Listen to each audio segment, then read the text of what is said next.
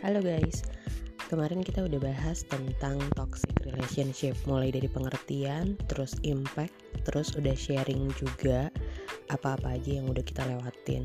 Dan kita bakalan launch itu di hari besok.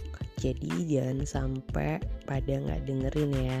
Karena ini uh, menurut gue sih oke okay banget untuk apa ya namanya knowledge kita lah. Untuk mental health kita juga. Oke? okay? Bye bye, see you tomorrow.